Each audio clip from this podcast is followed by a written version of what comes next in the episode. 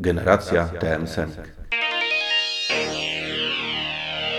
Sierpień 91 roku był dla Batmana w Polsce niezwykły z kilku powodów. Przede wszystkim nowy rysownik. Większość poprzednich numerów rysował Norm Brayfogle. Po drugie 68 stron, niesamowite wakacyjne wydanie. Po trzecie całkiem nowa, niesamowita postać, czyli Riddler. No i wreszcie historia. Mroczna, straszna, odrobinę szalona. Nie aż tak niezwykła jak zabójczy żart, ale i tak nadzwyczaj warta uwagi. Opowieść zaczyna się od wspomnień Jakuba Stockmana, biorącego udział w mrocznej ceremonii okultystycznej. Wraz z grupą innych okultystów przymierza się właśnie do złożenia pewnemu demonowi w ofierze pewnej młodej dziewczyny.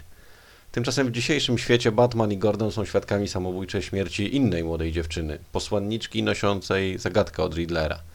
Odpowiedź prowadzi Mrocznego Rycerza do biblioteki, gdzie w ostatniej chwili ratuje strażnika, którego Riddler powiesił na jego oczach.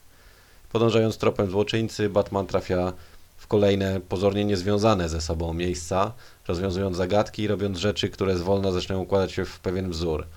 Wzór y, coraz bardziej złowieszczy i dziwny. Ścieżkę zaplanowaną przez Riddlera, zupełnie innego niż zwykle, bardziej brutalnego, bardziej szalonego, jakby opętanego. Historię co jakiś czas przerywają kolejne wspomnienia Stockmana, pogrzebane w dawnej okultystycznej świątyni, zagrzebanej głęboko pod fundamentami Gotham i zapomnianej przez ludzi i czas, ale nadal zamieszkiwanej przez demona, którego wtedy przywołano. Mroczny rycerz, mroczne miasto, bo tak w oryginale brzmiał ten tytuł, najlepiej oddaje charakter opowieści. To komiks poświęcony Gotham, poświęcony jego mrocznemu, demonicznemu sercu, które bije zapomniane i pogrzebane, a które pragnąc wyrwać się na wolność, stworzyło mrocznego rycerza, swojego wybranego syna, ulubieńca, który je uwolni. To opowieść ze wszachmiar niepokojąca, mroczna, wciągająca czytelnika tak jak zagadki Riddlera wciągają Batmana. Peter Milligan, uznany i ceniony scenarzysta, tworząc opowieść na pozór sensacyjną i sztampową, wplótł w nią niezwykłe wątki, rzucające nowe światło na genezę postaci, na jej motywację i granice możliwości. Do tego okrasił opowieść świetnym występem Alfreda, który jest w nietoperzowej mitologii postacią nieocenioną. No i oczywiście krew, przemoc i zombie. I jakkolwiek kiczowato by to nie brzmiało, nie jest takie. Warto także zwrócić baczniejszą uwagę na rysunki Cairona Dwyera.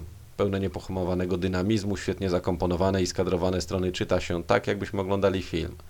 Batman Dwyera jest mroczny, ostry. To taki atletyczny, demoniczny duch, który przemierza noc, żeby wyłodzić się scenę z cienia i zadać celny cios.